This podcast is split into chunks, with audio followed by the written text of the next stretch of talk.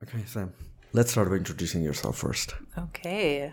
Um, my name is Sam Helle. I'm a conservation biologist and a PhD student at the University of Wisconsin Madison. Um, Nal bar sadeki nepalma banya jantusun sunakshin kolkam garira hekotu. Uh, NTNC sangai NTNC bansa rastria Prakriti Sanrakshan Kosh. Ekdam tulo mouthful. I, I, I can see your Nepali skills. Um, so I have been working in and around Nepal for about nine years, uh, and along the way, learned Nepali. Uh, my specialty is uh, human wildlife interactions, and specifically uh, human tiger interactions. That's the short story. Okay, so last time we talked to Dr. Kanchan about uh, tigers, and then one of the topics that we got into was um, the balance between how humans and um, tigers can coexist in an environment, right? Which is mm. it becomes kind of tricky, especially the numbers of tigers increasing, which is a good thing, mm. but it comes with certain difficulties and challenges for people who are living around that vicinity. Mm. So, how do you see that as an expert in this field? Yeah. So my first research uh, that I did in Nepal independently uh, was talking just about that. So my first time in Nepal, I was here on like a study abroad program with Dr. J.L. Dave Smith, who is kind of a primary authority on tiger behavior. Everything that we know about uh, female tiger breeding and tiger movement, specifically in Chitwan National Park, came from his primary research working in Nepal back in the 80s.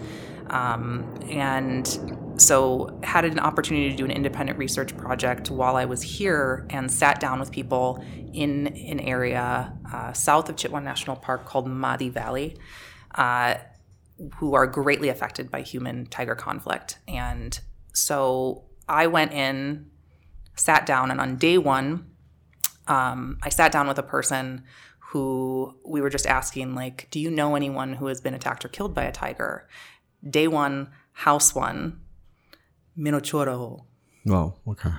And I I had really rudimentary Nepali language skills at that time, but I understood what that meant. And that hitting my ears um, and that understanding came this other understanding that I didn't know that I knew a lot about biology of tigers and about ecology of the forest, but that there was this whole other dimension, this social aspect, this gender aspect as well, which we can talk about later, um, that isn't fully being looked into when we're just talking about tiger conservation. That there are people that live alongside and with these animals and are just as dependent on the forest as tigers are. Um, and if we don't include the social aspects and the people in that bigger picture of tiger conservation, uh, we're wasting our time. People. Is that uh, like we discussed earlier that doesn't happen in most of the cases but in rare cases when the tigers are maybe uh, not very fit for hunting. But how often do these things like this happen? So it's been happening a lot more recently than it has in the past. is it because the numbers of tigers are increasing or something else Yes and no. So I think something that's happening recently, and I've talked about this uh, a little bit with my colleagues, is uh, especially being in this post COVID area. So we saw a huge spike once movement started happening again post COVID, because during COVID, during lockdown, the forest kind of got a break. Everyone was staying at home and there's lack of movement. And so when there's lack of movement, these animals start expanding their areas of home range because there's no people there. Um, and let me be clear, tigers and other tigers specifically are very shy animals. Lads. They avoid people. Um, so in those areas of like in that time of quiet and peace and break for the jungle, we think that they kind of expanded their territories and where they were walking. And then when people started going back in the jungle again, you now have these areas where tigers are going. And that's especially in the buffer zone and stuff like that right? 100%. Yeah but then they've moved outside of the national parks as well Yeah, so that's what we're looking at right now in my PhD dissertation working with National Trust for Nature Conservation is up until now we've really only seen tigers in national parks and in the buffer zone, which is kind of part of the national park. Uh, but now we are starting to see some tiger moving outside of that, which is kind of this new chapter in tiger conservation. I mean, we know a lot about tigers in national parks, a lot. Uh, we don't know a lot about once they leave the park because there really isn't a lot of surveillance um, and heavy uh, monitoring that happens when they leave the national park. So why do these their behaviors change once they get outside of the national parks? I don't think their their behavior doesn't change. They just are dispersing. So tigers, uh, after the age of like 18 months to two years old, they leave their mother's home range. And they are looking to make their own territory. So these tigers that we're seeing move outside the national parks are looking to make their own territory. So usually, do they venture in to other jungles or the residential areas as Yeah. well?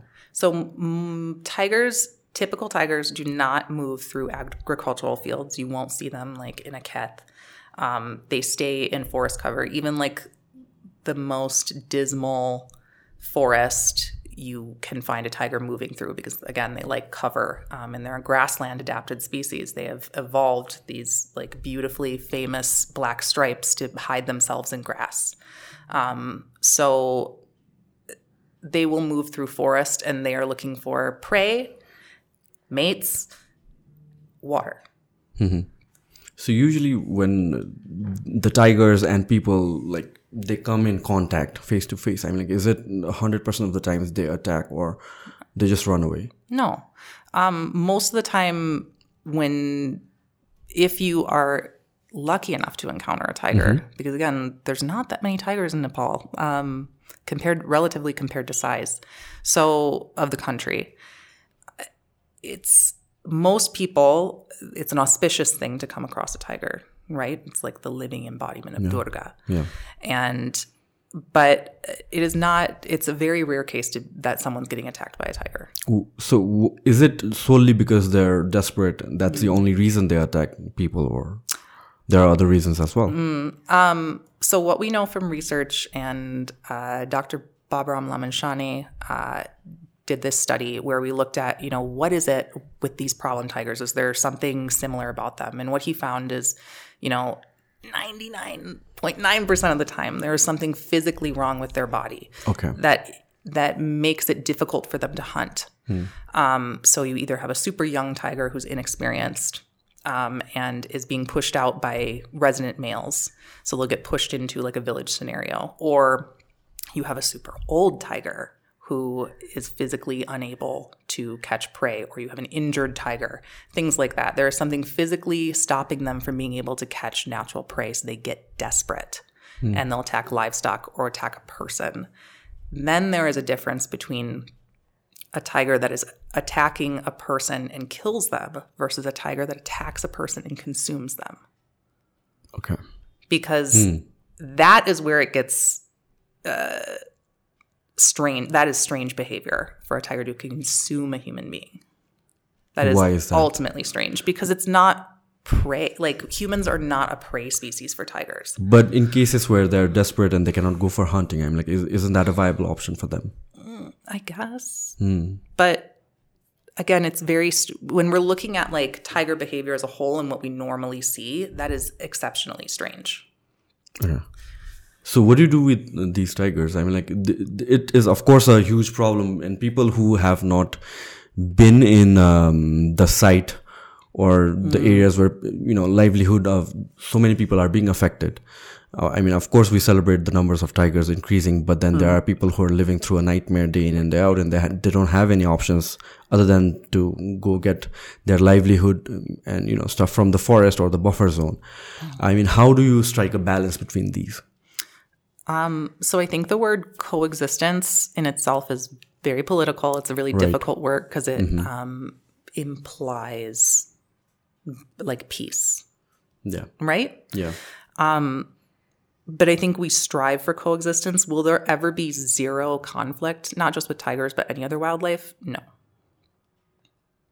And I think that's just the reality. Um, we strive to keep that number, I think, as conservationists. Uh, and any, let me be clear, anyone can be a conservationist, not just because you do research.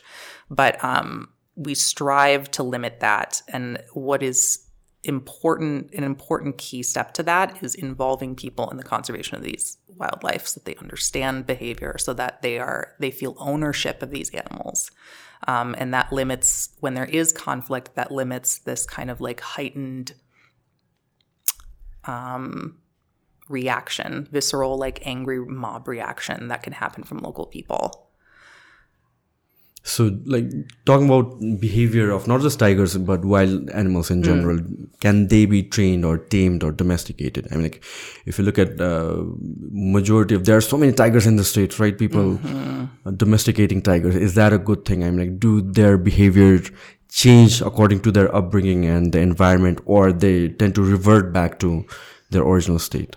No, they're not domesticated tigers. And uh, the ones in the United States are not, they are not Bengal tigers. So they're what's considered a generic tiger. They have been inbred so many times that their like DNA does not, it doesn't even, it doesn't resemble Bengal tiger. So they are not hostile. Well, they are. For me, it's uh, as someone who like understands that behavior. It's not if, it's when. You, It's an accident Yeah. waiting to happen. It always does. Um, and the they think there's an an estimated five thousand Thousand tigers, which yeah. is Just more tigers than we have in the wild. True, true. And there's so many issues with that, but also that feeds into the poaching of wild tigers. Uh, there is this whole connection between uh, the tiger trade in the United States, or like even in other par- parts of the world, where you can like pay to pet a tiger. Yeah. Um, in the Middle East as well, I guess. Yeah. Yeah. So a lot of those places you'll they have found that they are once those tigers die or they kill them in the United States that they are selling their parts in the mm-hmm. illegal wildlife trade.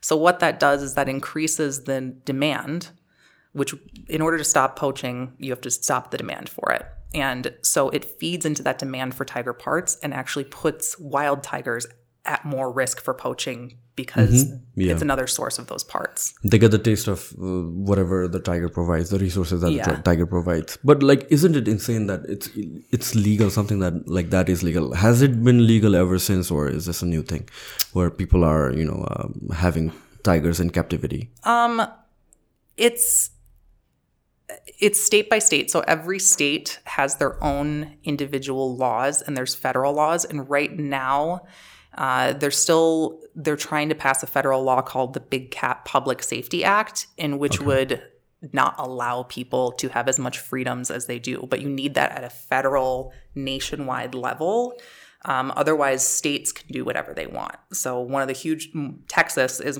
a state that has pretty much no rules when it comes to that. I don't want to say no rules, but they're very lax rules about what you can own.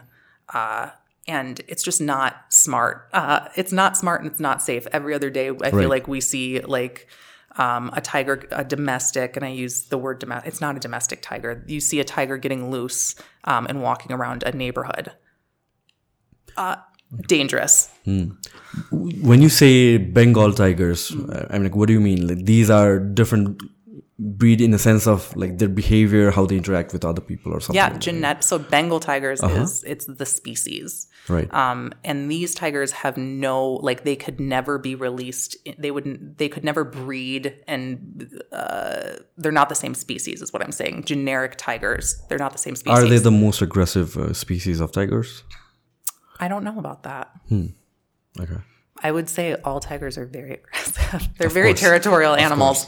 Um, they're very territorial animals. So in terms of these conflict that's happening within these um, areas, I, I I would assume since the tigers are moving out of the national parks, I mean it creates a more uh, serious issue because now uh, there's less monitoring, and then you know they're they're somewhat mixing more into the common grounds with the people as well. So what is uh, the solution to that? I mean, like, do you deport? Do you move the tigers inside the uh, the national parks again?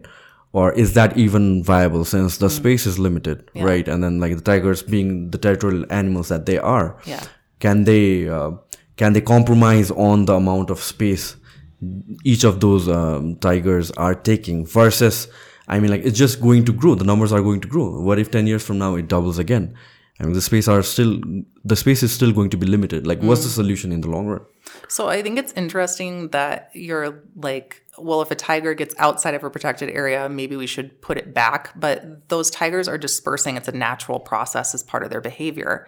Um, and them leaving the protected areas and finding home ranges that are well outside protected areas indicates that those are really healthy forests. If they're able to make a home range, it indicates that those forests are really healthy. There's prey base, um, etc. So I think, I mean, it's a good thing that tigers are dispersing. It's also going to, if tigers are able to disperse into these community forests or in national forests, uh, it may alleviate conflict. Maybe um, because they're spreading out where the range is.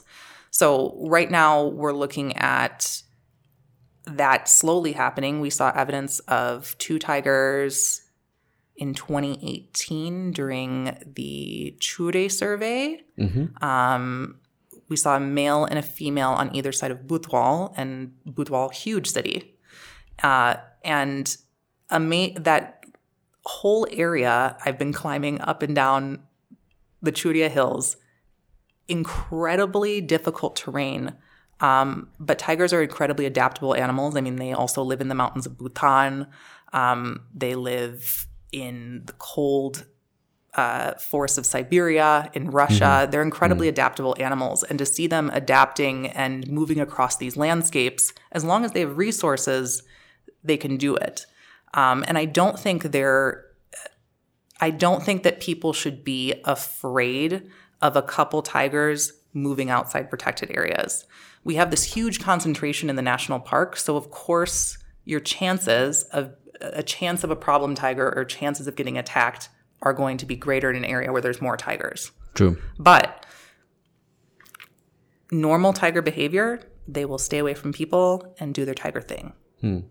But then, yeah, it comes down to the amount of uh, forest area as well, which you said like it's increasing. So, uh, so that will feed off like that will be sufficient for a lot of lot more growth among the tigers. So just because the forest is good doesn't necessarily mean there's prey species. So what's really important and what we're looking at uh, again right now is we're surveying like what type of prey species are out there and can that sustain a tiger. So for example, we've done like one or two cell, we've done one or two grids. Um, so in one or two areas, uh, and we're finding a lot of wild boar, bondel, ratua, uh, barking deer, very small animals. Uh, tigers typically are going after barking deer and sambar, huge deer. Uh, so, what is going to be really important if tigers are going to be existing outside of protected areas is prey. So they go for the larger prey. Why? Why not for smaller ones? Because it's not enough. Um, so tigers aren't really good hunters. Okay. Okay. um, I think the statistic is like it takes them like seven. There's like seven tries before they actually catch something. It might even be worse than that. Uh, and they are uh, ambush predators, so it takes a lot of energy to take down prey. And Ratua uh, barking deer is really, really small and really, really fast. So you're not going to expend all that energy for something that is like a, a plate of momo. yeah, that makes sense. So, so what is their typical hunting behavior like? A typical hunting behavior is uh, they're go- again most of their diet is going after sambar or spotted deer, and they will stalk. They are stalking and ambush predators, so they will be very silent. They're relying on that camouflage, those like iconic stripes, which um, the way that that camouflage works is it makes it so that they're the deer species and even us, it's difficult to see outline of the body. So if you're sitting in the grass, and there's some photos that you can find where uh, you can see how it works, like especially in the fall, where you'll have like these black, um, these black grasses and these orangish grasses and you'll see this this huge iconic cat that has black and that has black and orange stripes and you're like how how is that camouflage? But it works. That's what they've evolved to do. And so they will wait and wait and then full speed um, run after and hop on and kill their prey. So how often do they hunt? they're hunting i think they can they're i don't want to say they're like hunting every day but they will hunt a Mm, i don't remember the statistics on this Okay. So, like, what's the biggest challenge when it comes to this tiger human, you know, um, coordination, cooperation, living together thing? I mean, like, what's the what's the what what's the conflict right now? I would say support for local people is the biggest problem. And things have gotten better in the last decade uh, as far as compensation for if livestock or um, relief funding if human life is lost. No, but that's more of a you know, uh, once the deed is done, I'm like, how do I not die being that being in that area? So that is the biggest question. and the answer is solve global poverty. How do we do that? So that's why, even when I was saying before, where they're like coexistence, Yeah. um, there will always be, unfortunately, there will always be the most marginalized. There will always be the poorest of the poor. And those are the people that are most at risk to be attacked by wildlife because those are the people that are most dependent on forest resources. So, alternative livelihood strategies, um, education systems about animal behavior, but also having to engage those populations that are needing to engage those populations that are most affected by these issues. And uh, up until now, there has not been great engagement on that um, on that front. So when you're talking to the people on the ground or these people who are likely to be affected, how are they uh, viewing this whole scenario? The number of you know tigers increasing, and you know they're dispersing out of the national parks. How do they view it? I there's this sense of they like don't want because whenever someone gets killed by a tiger or even like rhino or elephant, it gets mm-hmm. heavily like it's all over the news everywhere. So everyone there's a lot of fear around getting attacked by a tiger. We talked about this before where you know, you have the big 3 where you have elephant, rhino, tiger. You can get out of a rhino attack alive if you get attacked by an elephant or a tiger, you're very unlikely to come out of that alive. So hmm. there's a lot of fear, uh, justified fear um, about these animals. But there's also a lot of respect um, and love and pride that local people have because they know that Nepal is one of the only places in the world that you see these animals. And there is a lot of respect for them. They just want to be safe. And I can think of like, and they want a heads up. So, like an example, we were just collecting cameras uh, to take them to another town, and as we were collecting them and driving away, we had people literally stopping our jeep and being like, "Did you find tiger? Did you find leopard? We just want to know." Um, because we've been seeing these tracks, but we don't know what it is. So is it is it out of curiosity or is it out of uh, is it out of fear or excitement? Both. Okay. both definitely i people i rarely i rarely have ever run into people who have ever, who are ever like i hate tiger that never happens. There's this like very healthy respect but also very healthy fear just like you or me like you're going to chitwan tomorrow. I've been in and out of the jungle many times. Like i love tigers. Do i want to be as close as you and i are to a tiger? No, Yeah. okay. Let's take a quick, short break. cool. So let, let's talk about uh, the perception of local people. I mean, like, you- of course, their lives are at danger, are, are at, is at risk. I mean, like, um, and there are some things that cannot be completely mitigated. But um, how uh, do they view uh, these animals? I mean, like, how do they think like the population of tigers shouldn't grow further, or they should be contained or transported off to other places? Yeah, so I think that's a really interesting question and something that has made me um, kind of look at the differences between Nepal and where I'm from in the US, and it's starkly different. So, overall, local people around these national parks are very positive about conserving these animals. There's a heavy, like, respect and uh, national pride and understanding again that Nepal is one of the only places in the world that is home to Bengal tigers or that is home to elephants, that is home to rhinos. Local people understand that. Um, and there's also that religious and cultural Right. value toward these Mm. animals. Like elephants, the living embodiment of Ganesh. And then you have tigers who carry the goddess Durga. So there's that heavy respect. You wouldn't kill a Mm. god. I, I never looked at it from that perspective. That But that is new. Yeah, yeah. That's how the local people view it in a religious context as well. as well. Elephant, I can understand, but Mm. then I never looked at you know um, tigers as you know from Durga perspective. Mm. There's a, I hear a lot of that. Oh, okay. um, and I actually so in one of the studies we I asked local people like what should we do with tigers that kill Mhm. people. 99% of the time they said just move it somewhere. But no like no one suggested killing these animals. So do they kill and kill the tigers elsewhere in other countries? What's what's the standard protocol like? Um, so I am unfamiliar with every range. There's 13 range countries. I know that in some cases, like they killed a tiger just recently in India after it killed like nine people. I mean, like to stop from what was happening at Mm. that moment, or like after it killed people as a punishment.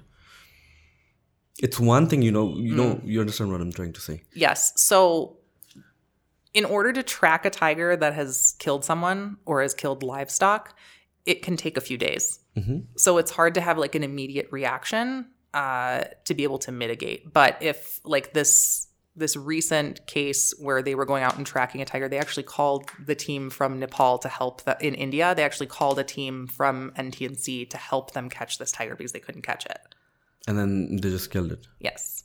No. Well, okay. Nepalis didn't. Okay. Yeah. yeah. They helped them tra- track the tiger, and then the Indian authorities killed it. Does that make sense? Actually, I mean, like it's one thing when a, a tiger is on a killing spree Mm. and it's attacking a mass of people, and to just to stop it, you kill the tiger. But once it's already killed uh, a, a certain group of people, then track it down and kill it. I'm asking this because uh, is this behavior repetitive for the tiger? I mean, like if it kills nine people, does that mean it's it, it's more likely to kill more people again? And to prevent that, uh, you kill the tiger, or is it taken as a form of punishment for kill, killing that nine people?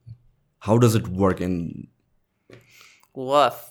Um, I mean, I think the I think you already know the answer to the first question. Uh, if a tiger has already killed nine people, is it likely to kill a person again? Do we need ten or eleven or twelve to know that? Mhm. It is very, very, very strange for a tiger to attack a person. Yeah. It is extremely strange, uh, abnormal behavior. So if it's happening Okay, yeah, that makes many sense. times, Right. this is now a behavioral pattern. So, so, oh, so what do you mean is like it killed nine tiger, nine people on different occasions, not at once. Mm. Not at once. Okay, so that's what I was Yeah, yeah, yeah. trying to understand. Okay. That and. Mm. most of the time like there's a couple cases in nepal where there was a tiger that attacked and killed a number of people on the same day it was like the same tiger. the same tiger Right. um and that was protecting it was it had killed it had killed someone in the morning.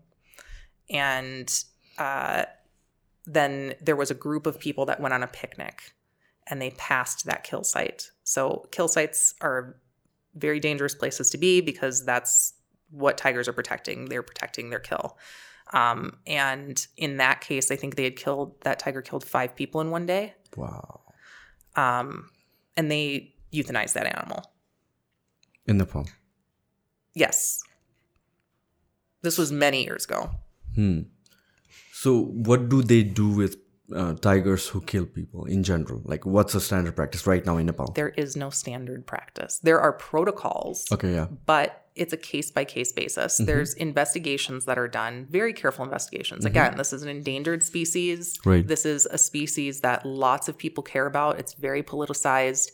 And so the investigation starts understanding, let's say, for example, a tiger kills a person. Mm-hmm. What were the circumstances around that? Was it an accident? Was it a person who came across like a, a, a kill site of a tiger where the tiger had like killed deer, had killed a natural prey, and person was just wrong place, wrong time? Hmm.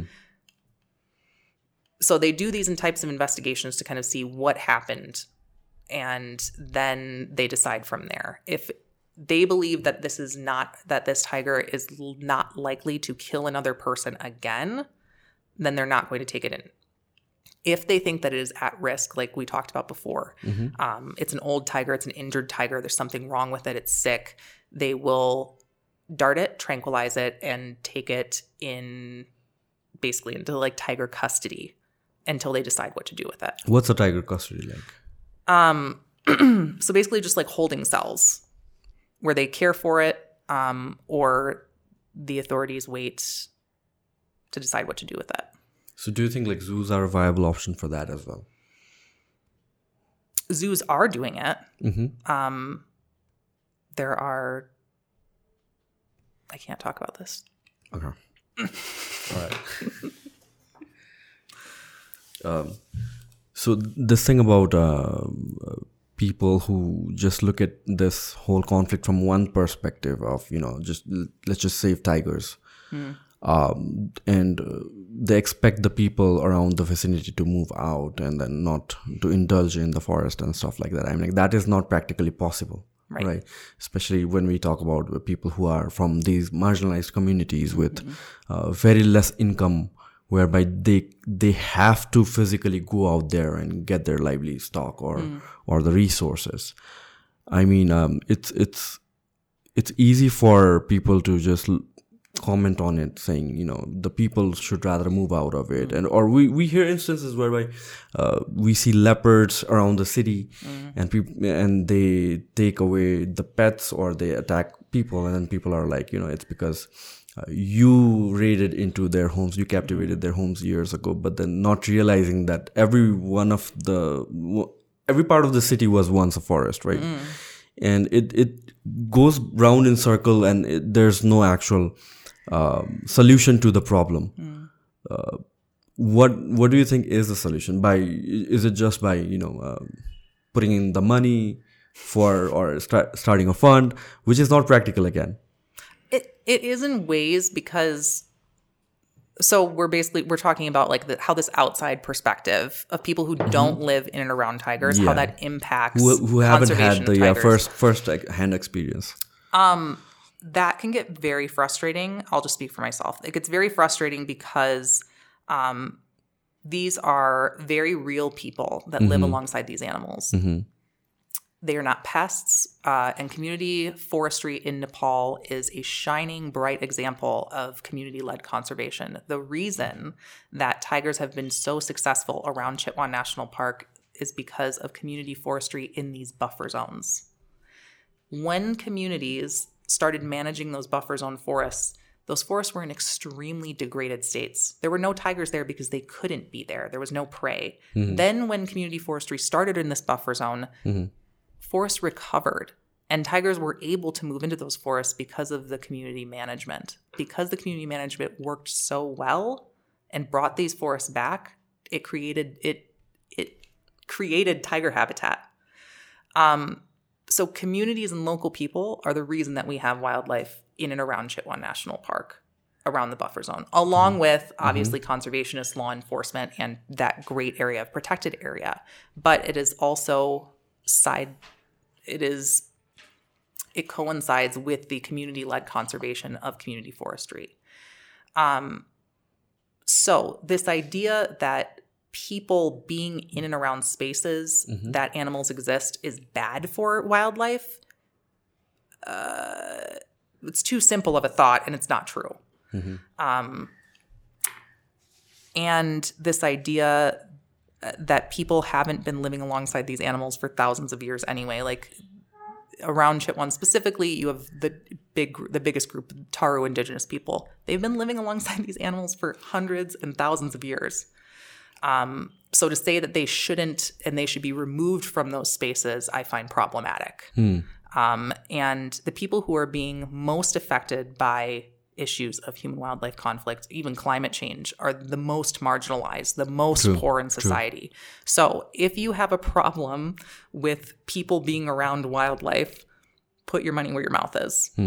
Um, and how that impacts conservation in other ways, I would say from like a practitioner perspective and what I what I see working with my partners and work and being in and around government officials, um, national park officials is that that outside pressure and politicization impacts what we can do to help in those situations. So like people really care about tigers and they really care about elephants, but their sentiments don't always ex- like people outside of that context, their sentiments don't always extend to the local people. And I'm mm. like, so Yeah. you can sit there and say you love elephants and you love tigers, but mm. In reality, sometimes these animals are very, very dangerous. And local people deserve to be protected too. Wouldn't transporting the tigers to another country or another place uh, be a viable option, or is that a game of numbers for a country whereby people, the individual nations can declare we have this much amount of tigers, and it's kind of like a symbol for pride, rather than like when the number of tigers are out of our capacity, transported to other country or places whereby where they have adequate space, and the tigers can uh, roam around freely. also super politicized question but like um no because again when we're talking about behavior if you're moving an animal to a new area there is a dominant resident male or a dominant or dominant resident females and there's going to be conflicts amongst them so if there was problems with this tiger to begin with because they were maybe getting pushed out of a territory by a more dominant male that problem isn't going to change if you move it to another area No, what if we move it to another area with lesser density of tigers? Wouldn't that be a viable option? I don't know. Hmm. That's my like true answer that. I don't know. Okay. So let's let's talk about this thing you said about elephants. I mean, to me that's strange. I mean, like whenever we look at elephants, uh, they're in the circus. Uh, of course, tigers are there as well, but Yeah. you know, uh, we are more in more closer to elephants than tigers. Hmm. We see them up close in maybe the zoos or Yes. or places. We we ride safari. People ride safari on ti- uh, on elephants. Yeah. and we don't at least i don't uh, take elephants as a, a species that's aggressive and goes around killing people Um, well, I hate to like burst everyone's beautiful, cute dreams. They are highly intelligent animals. Uh-huh. They are beautiful and they are mostly peaceful. right Um, but they are also like think about how much testosterone is running through an animal that is thousands of kilos.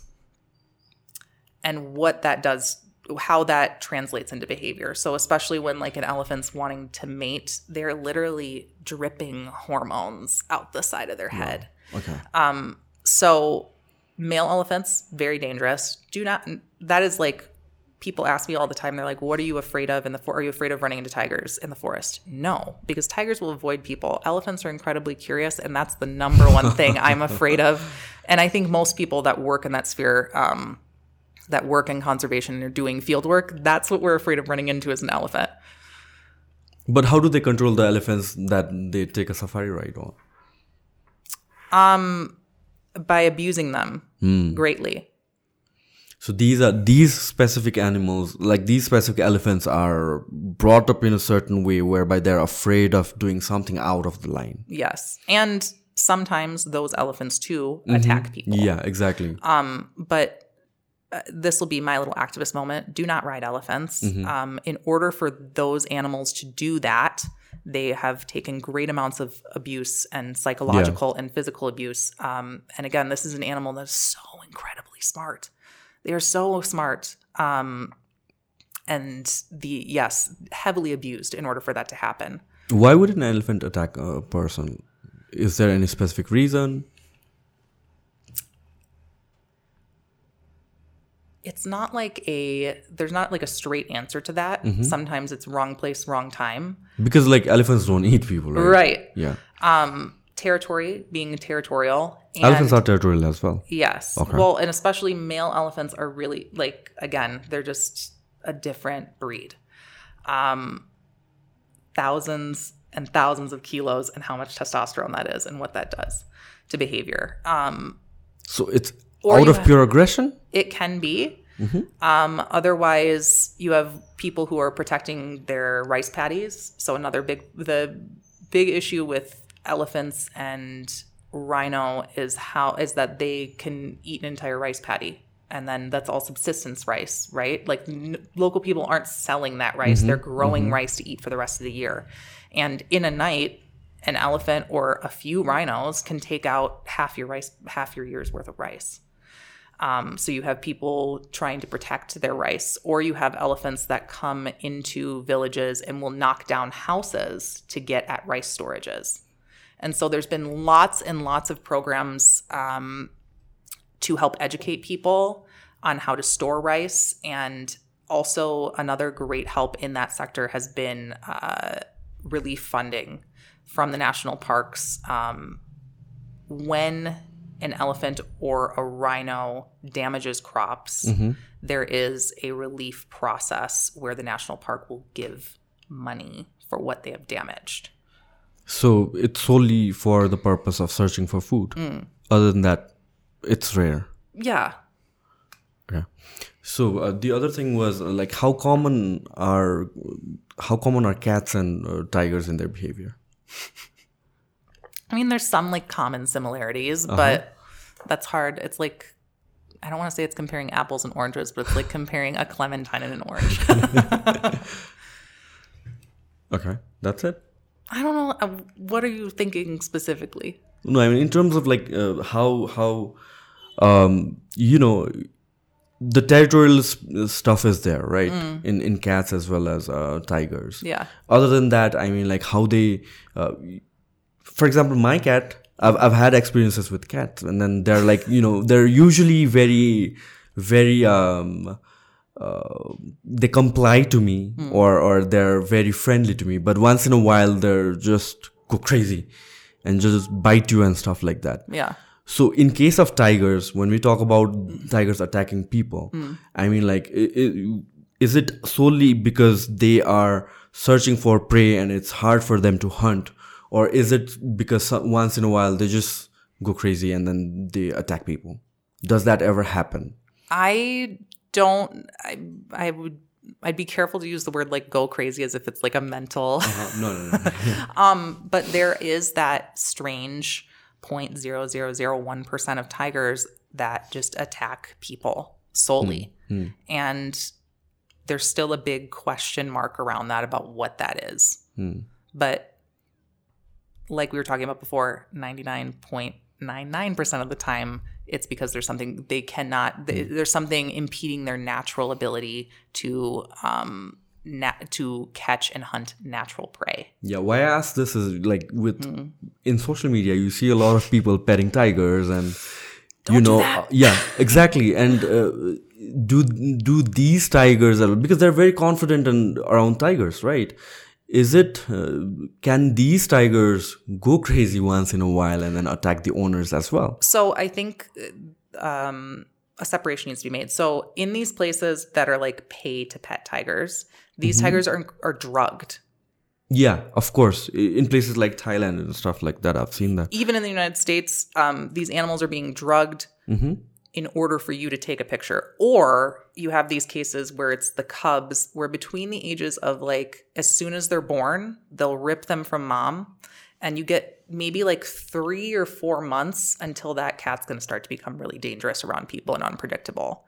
So they will keep breeding these cats to keep getting um, to keep getting young because everyone wants to take pictures of the baby tiger.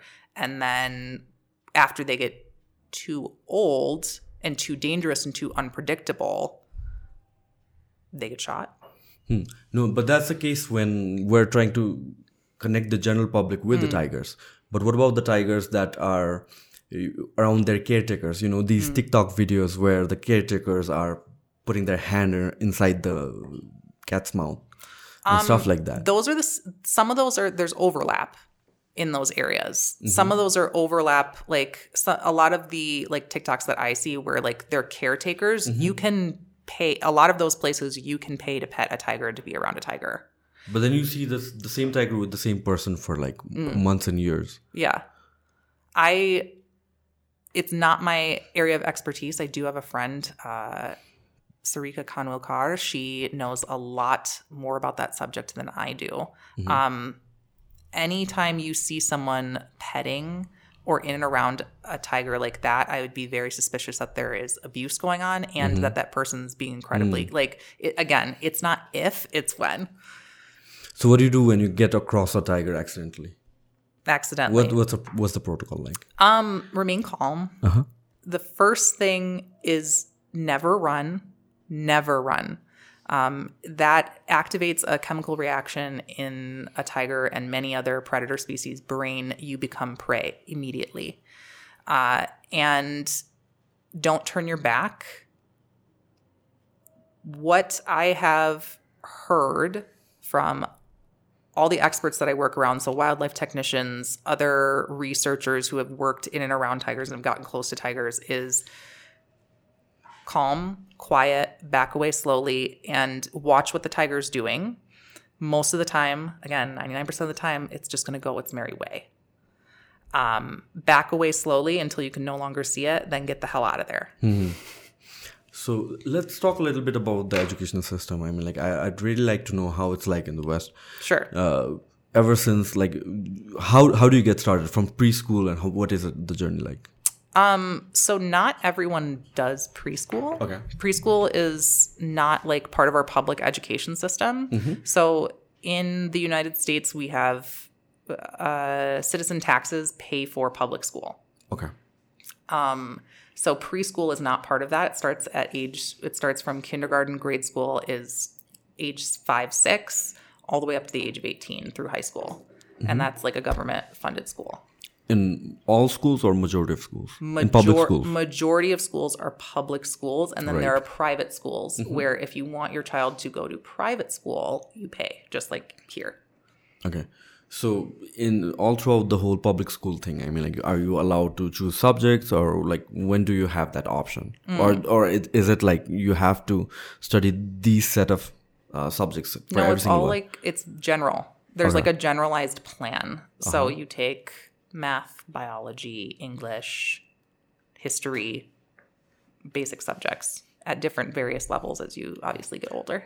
So all throughout high school, you are not, uh, you do not have options, or is it kind of like Um. so in high school subjects, you can have you can you can start to pick more electives. So we have like there's like a basic core curriculum. So like you have to take a math class. You have to take this many credits of a math class. But then maybe you want to take like a a, a metals class or you want to take like a home cooking class or you want to do like a an extra gym uh, which we call physical education. And um, so that freedom comes a little bit in the later it comes in middle school like you get to pick what is a couple middle year middle school is uh well when i was in middle school it was ages it was grade seven and eight? Okay. now it's six seven eight um but some of those in many places are being combined with high school so there's like elementary school middle school and high school So how does the credit system works? In in a way, I mean, like, is there um, more more exam based or practical based? How is that divided? The scoring overall. So we also have state and federal level testing to see how and that to see how the general population of students is learning and their um, literacy and things like that.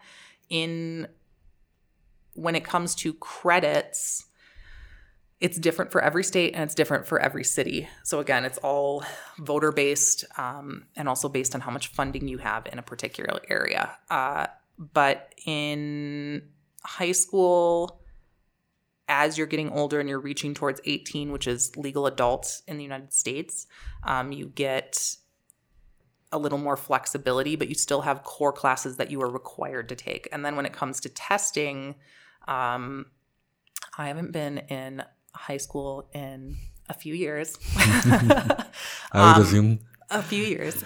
um, but they're it's still very like homework and exam based. So there's lots of homework and then there'll be like there'll be quizzes, tests, and then exams at the end of the semester. What's the weight like? I mean, like, is it more uh, assignment based or more exam based? in high school, it's assignment based mostly. That's what your grade is mostly going to be based on. Okay, so very little uh, with examinations. What if you fail the examination but you do good with assignments? And then you can still pass the class. Oh, that's weird. It's that's how it is. But it's like yeah, and even in our like university system, um, you could blow an exam and still pass the class. Yeah, that that to me actually makes sense, you know, because like uh, the way it is here, it's mostly exam based. I don't know what the system is right now, but when I graduated, a hundred percent marks was like exam based, and to me that uh, didn't make sense because like uh, a lot of my friends would uh, stay up all night just before the exam. Just, they'll just you know memorize things, they pass the exams, and then they'll forget more than 80% of what they learned. So no actual learning was being passed as you uh, as you go up in in grades. Rather, your memory it, it was more of a memory test. Yeah. What, I- uh, And I think that's like what the school of the school of thought is. Um, is some students are going to be really great at taking tests, and some students are going to be good at homework. But there's also research that shows um, that students that have more support at home are going to do better on exams and on their homework because they're getting help at home.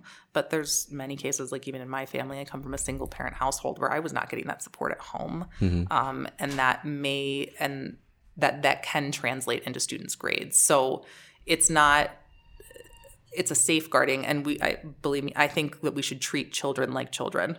Uh, and homework is where in the United States right now that is majority of where your grade comes from is homework.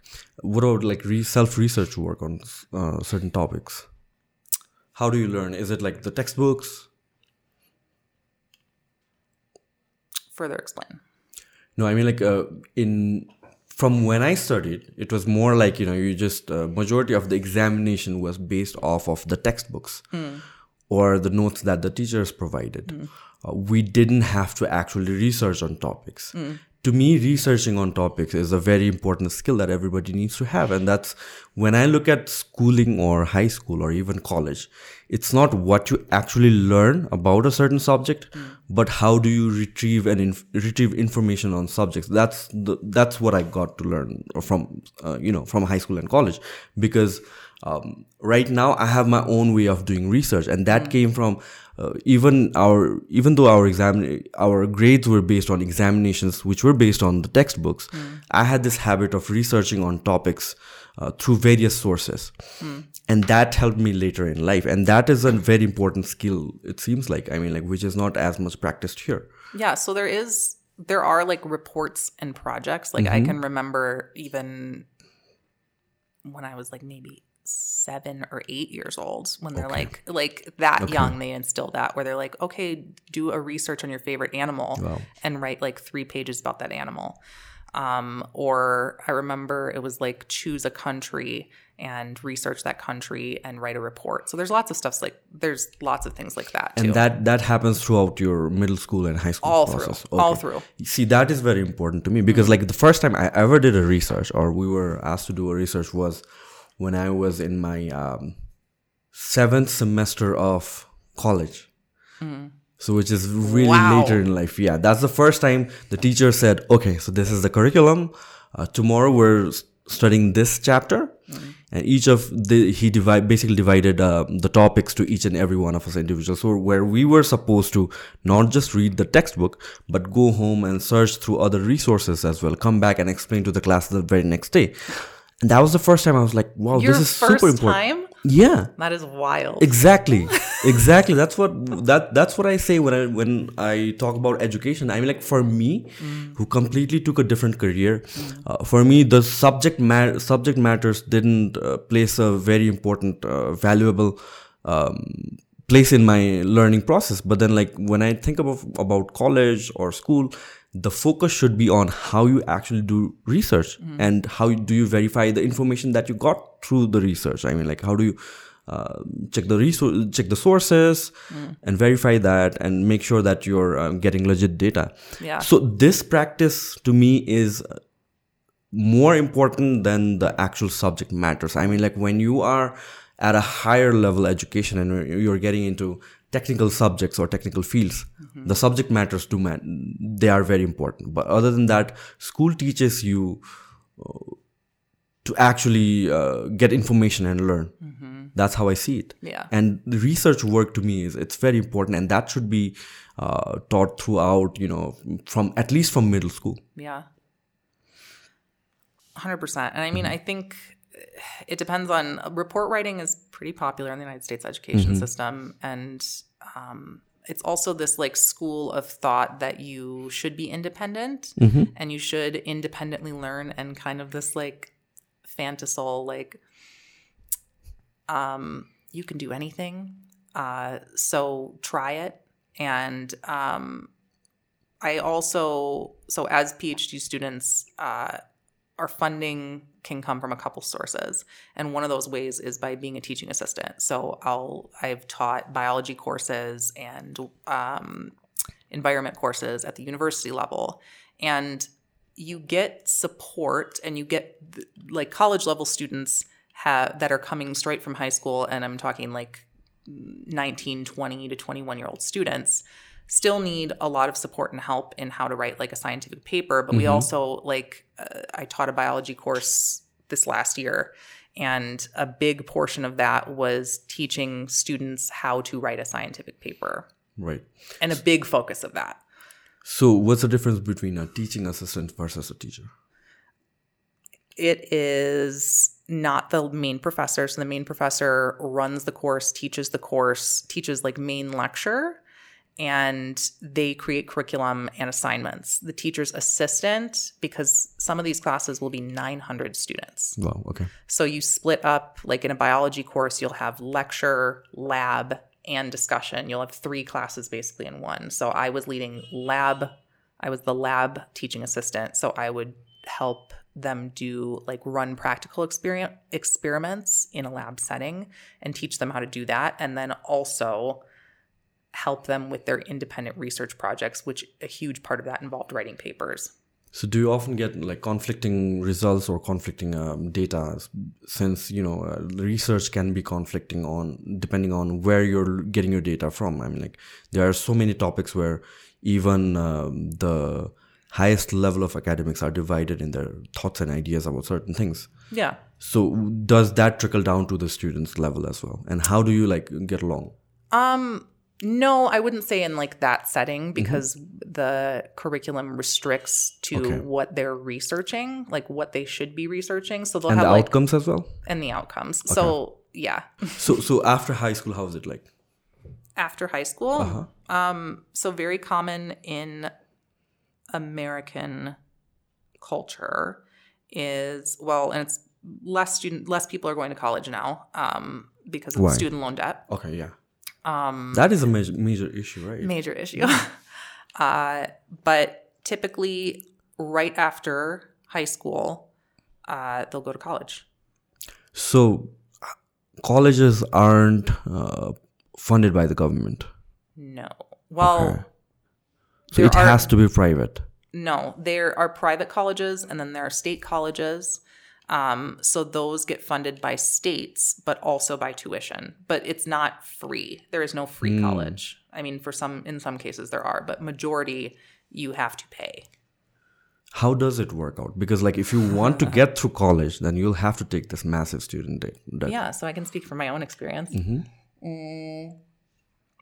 So I come from a single parent household. Um, nobody had been to college before, and but it was at that time 2009, um, and that was you need to go to college, otherwise you're going to be like flipping burgers as if mm-hmm. that's a mm-hmm. bad thing. Mm-hmm. Um, and but the meaning behind that is you won't be able to make enough money to survive.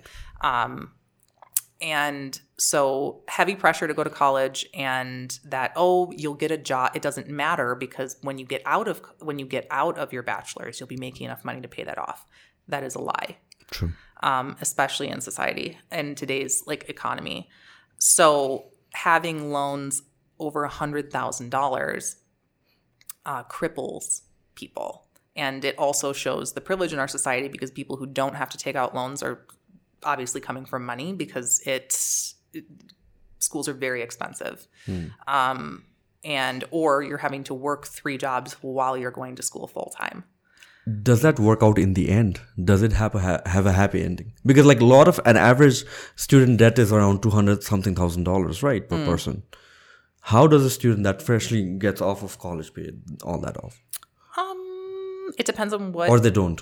they don't. Like for me uh i have over a hundred thousand dollars in debt.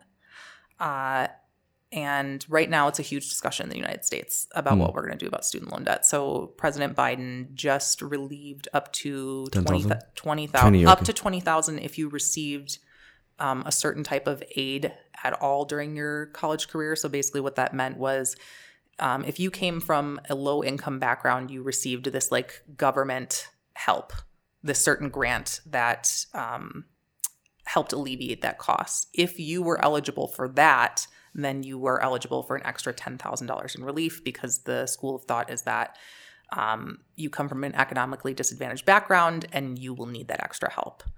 Uh, so right now it's up to $20,000 in relief, which isn't even like scraping the surface of most people's debt. And, we're moving towards like, why let's just relieve it all. And also super controversial but does that make sense economically as a country because it's again like you know uh, money being s- spent to a new Why not? Cause. We bail out corporations all the time. All the time. Yeah, And there was this, they were talking about these, uh, I forget the name of the loans, um, that were bailing out uh, personal, they were PPE loans, they, that people were being bailed out of those. Why is that different for a student? They were same amounts of money, if not triple, quadruple what a student loan is.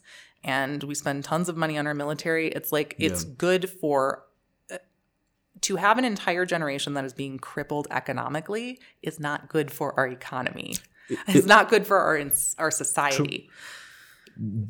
is it feasible to make colleges cheaper in any way Yeah. more Um, affordable in any so another part of this like discussion in the United States is that there needs to be more control at a federal and like legislative level of how much colleges can charge for tuition because this problem that has happened is that So just, just, just let me ask you one thing. Mm. Like, is is the college tuition fees right now? Is it like haywire? Is there a standard of what you can charge? there's not a standard. Wow. Okay. It's Okay. yeah. So it's supply versus demand kind Mm. of thing. Okay. and especially in a time so like the last decade where the the normal thing to do was oh well if you can't afford it you'll just go get a loan well then what that feeds into for the universities is they're like well we can just keep raising Yeah, tuition because true. they're just going to take out more loans Mhm. It's a it's a visceral cycle. Mm. Yeah. So what were you saying? Earlier? i was talking about that okay. So how do you make it cheaper? I mean, just just controlling the prices. there has to be yeah there has to be legislative acts to control and not allow i mean it's a it's a system it is a system that is taking advantage of an entire generation and generations to come uh, and a predatory system the loan system and so as far as controlling tuition prices that's going to be state to state. Um, if there was a federal mandate, it would have to be like caps on tuition prices, but otherwise, I don't.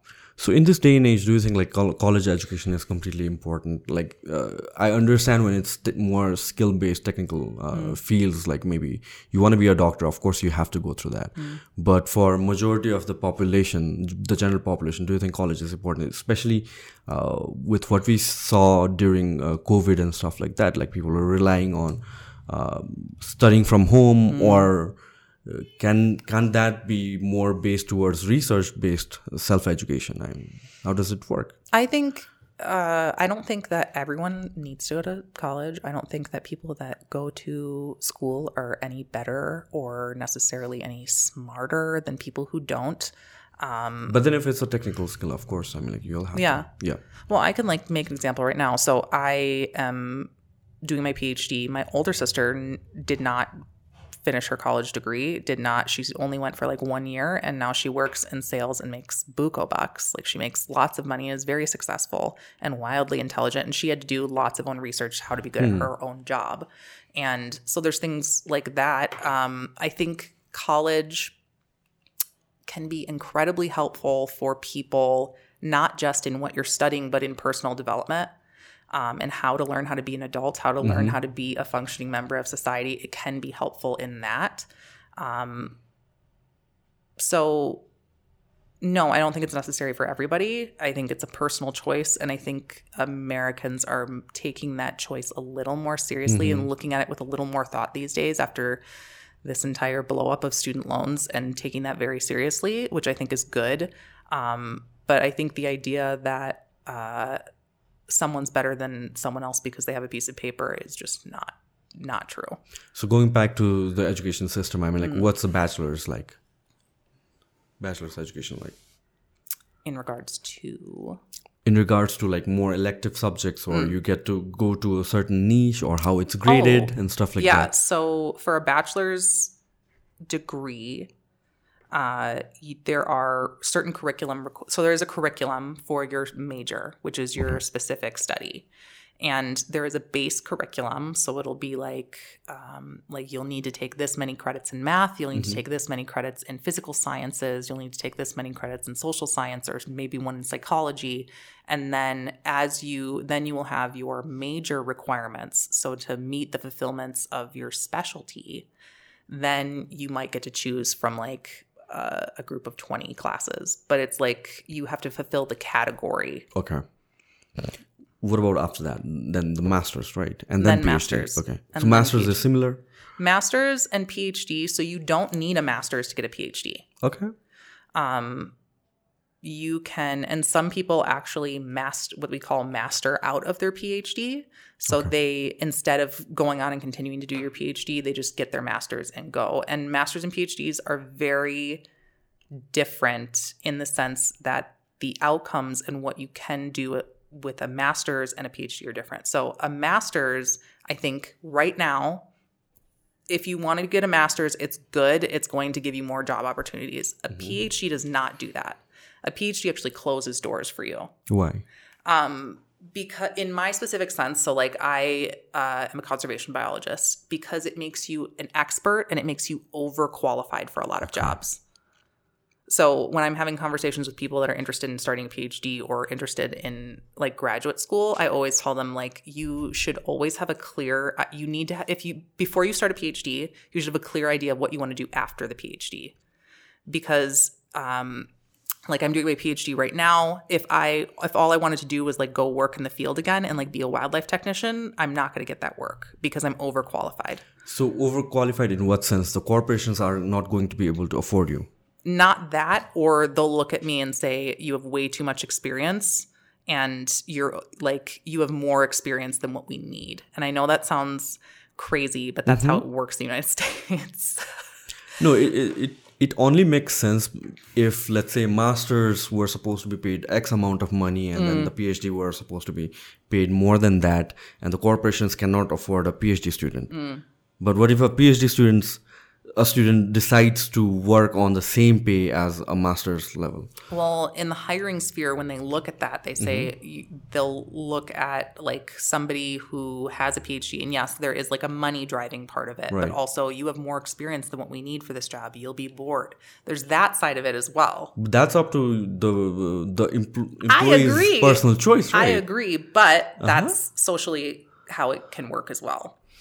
Um, So, yeah, a PhD can close doors if you're mm, in my field in conservation. It can close doors for you. Is it because like you'll have different opinions on things or different No. di- information on things? I think also so in order to get a P, a PhD that's not like um, in a specific field, you are you become an expert and you do a lot of research and you do a lot of book work and you don't I don't want to say that you don't do a lot of real life work, but also people can look at PhDs and be like, well, you were just in school for six years. And people don't understand what a PhD entails, um, which can involve lot, which does involve lots of practical work and lots of research and lots of data analysis and stuff like that. So if you're not looking for a job that is going to use all the skills that you did in your PhD, employers might not appreciate that as much as they would like a master's where you're in and out in a couple years.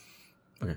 So coming back to like why you started in this field, I mean, is was there any specific reason you came to Nepal for your uh, work, or was that a conscious decision, or it just like happened to fall into your academy? So I met Dave Smith at University of Minnesota during my bachelor's, and he created and ran a lot of the field programs. And I had like mentioned, I um, I was not familiar with the conservation space at all. I did not come from that background. I was raised in the middle of the city, and so I took every opportunity I could to learn about the outdoors and to learn about the natural world.